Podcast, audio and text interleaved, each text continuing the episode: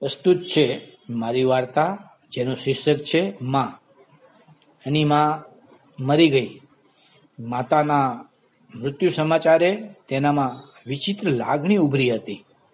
તેને દુઃખ થતું હતું કે માતાના મૃત્યુના સમાચારે તેને જેટલું દુઃખ થવું જોઈએ, એટલું દુઃખ થતું ન હતું. એની લાગણી અને જજબાતી દુનિયામાં બરફની ઠંડી જેવી નિષ્ઠુરતા જેવું લાગતું હતું. તેને પોતાને સમજાતું ન હતું કે પોતે કયા પ્રકારની લાગણી અનુભવે છે. આ એ જ માં હતી જેના દુઃખે એ દુઃખી થઈ જતો. પોતે પોતાની ઉંમર પ્રમાણે સારી સફળતા મેળવી હોવા છતાં એના બચપનના દિવસો જ્યારે માએ અસે દુઃખો ઉઠાવ્યા હતા, યાદ આવતા તે પોતાને દુઃખી પ્રતીત કરતો. તેનું જિંદગીમાં એક જ ધ્યેય હતું. માને બને તેટલી સુખી કરવી. તેણે લગ્ન પણ માની પસંદગીની છોકરી સાથે કર્યા. એના લગ્ન પછીના દિવસો બહુ જ જજબાતી રહ્યા. એની પત્નીની મિતાથી એણે જે આશા રાખી હતી કે માને મિતા પોતાની માની જેમ રાખશે અને બચપણની દુઃખદ સ્મૃતિઓ મિટાવી નાખશે. તેનાથી તદ્દન વિપરીત વર્તન નીકળ્યું મિતાનું પ્રથમ વખત એને અફસોસ થયો, પોતાની માની કોઈ ચીજ માટે, માની મિતાની પસંદગી માટે. શરૂઆતના તબક્કામાં તો તેણે દરેક રીતે પ્રયત્નો કર્યા મિતા સાથે એડજસ્ટ થવાના. મિતા માટેની ઘરના સભ્યોની નાની મોટી ફરિયાદ તે હળવાશથી લેતો, પરંતુ આ સિલસિલો વધતો ગયો. ફરિયાદો વધતી ગઈ. હવે તો મિતા ઝઘડો પણ કરી લેતી. આ બધું અસહ્ય હતું એના માટે. એણે દરેક પ્રયત્નો કર્યા મિતાને સુધારવાના, પણ દરેક વખતે તેના હાથ હેઠા પડતા. પથ્થર પર પાણી હતું. એની કૌટુંબિક અને સામાજિક પરિસ્થિતિ એવી હતી કે તે મિતાને છોડી શકે તેમ પણ ન હતો અને માથી અલગ રહેવું એની કલ્પના બહારની ચીજ હતી. સમયની સાથે સાથે એ પણ ઢસડાતો રહ્યો. તે કોઈને સુખી કરી શકતો ન હતો કે સુખી થઈ શકતો ન હતો.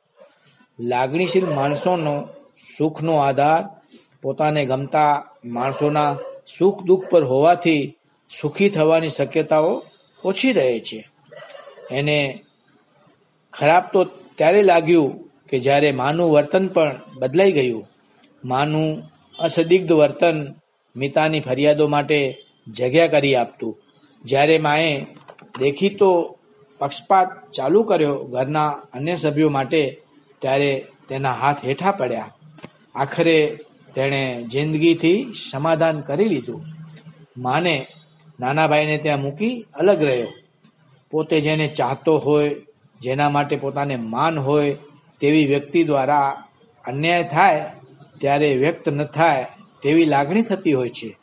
પરિસ્થિતિના પ્રહારોથી તેનું મન મરી ગયું હતું. રૂમમાં માનો નિશ્ચેતન દેહ પડ્યો હતો.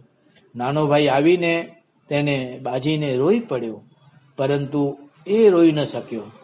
નાનો ભાઈ તેને અલગ રૂમમાં લઈ ગયો ને કહ્યું કે, ભાઈ, તમારી પરિસ્થિતિ અને લાગણીઓને લાગેલ ઠેસ સમજી શકાય તેવી છે. પણ એના માટે માં જવાબદાર નથી.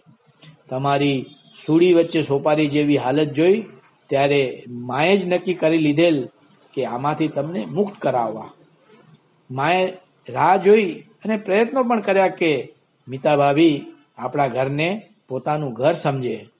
એને જ્યારે પ્રતીત થયું કે સુધારા માટે કોઈ અવકાશ નથી, કોઈ રસ્તો નથી ત્યારે માએ એવા વ્યવહારો ચાલુ કર્યા કે તમારું મા પરથી મન ઉઠી જાય. એના અસદિગ્ધ વ્યવહારો પાછળનો એકમાત્ર ઉદ્દેશ તમારી આત્મીયતા ઓછી કરવાનો હતો. કારણ કે તમારી મા સાથેની આત્મીયતા એટલી હતી કે કદાચ તમે ભાભીને મૂકી દો, પરંતુ માને ન મૂકો. આ આત્મીયતા માએ દિલ પર પથ્થર મૂકીને તોડાવી અને એ પથ્થરનો ભાર પોતાની સાથે લઈને ગઈ. મને સોગંદથી બાંધીને રાખ્યો હતો આ વાત તમને ન કરવા માટે. પરંતુ મને લાગ્યું કે આ વાત જો આજે પણ છુપાવીશ, તો તમને અને સ્વર્ગસ્થમાં બંનેને અન્યાય કરીશ. અને એના અશ્રુબંધન છૂટી ગયા. માના દેહને નાના બાળકની માફક તે બાજી પડ્યો. પોતાના આંસુઓથી માના નિશ્ચેતન પગ ભીંજવતો રહ્યો. ધન્યવાદ.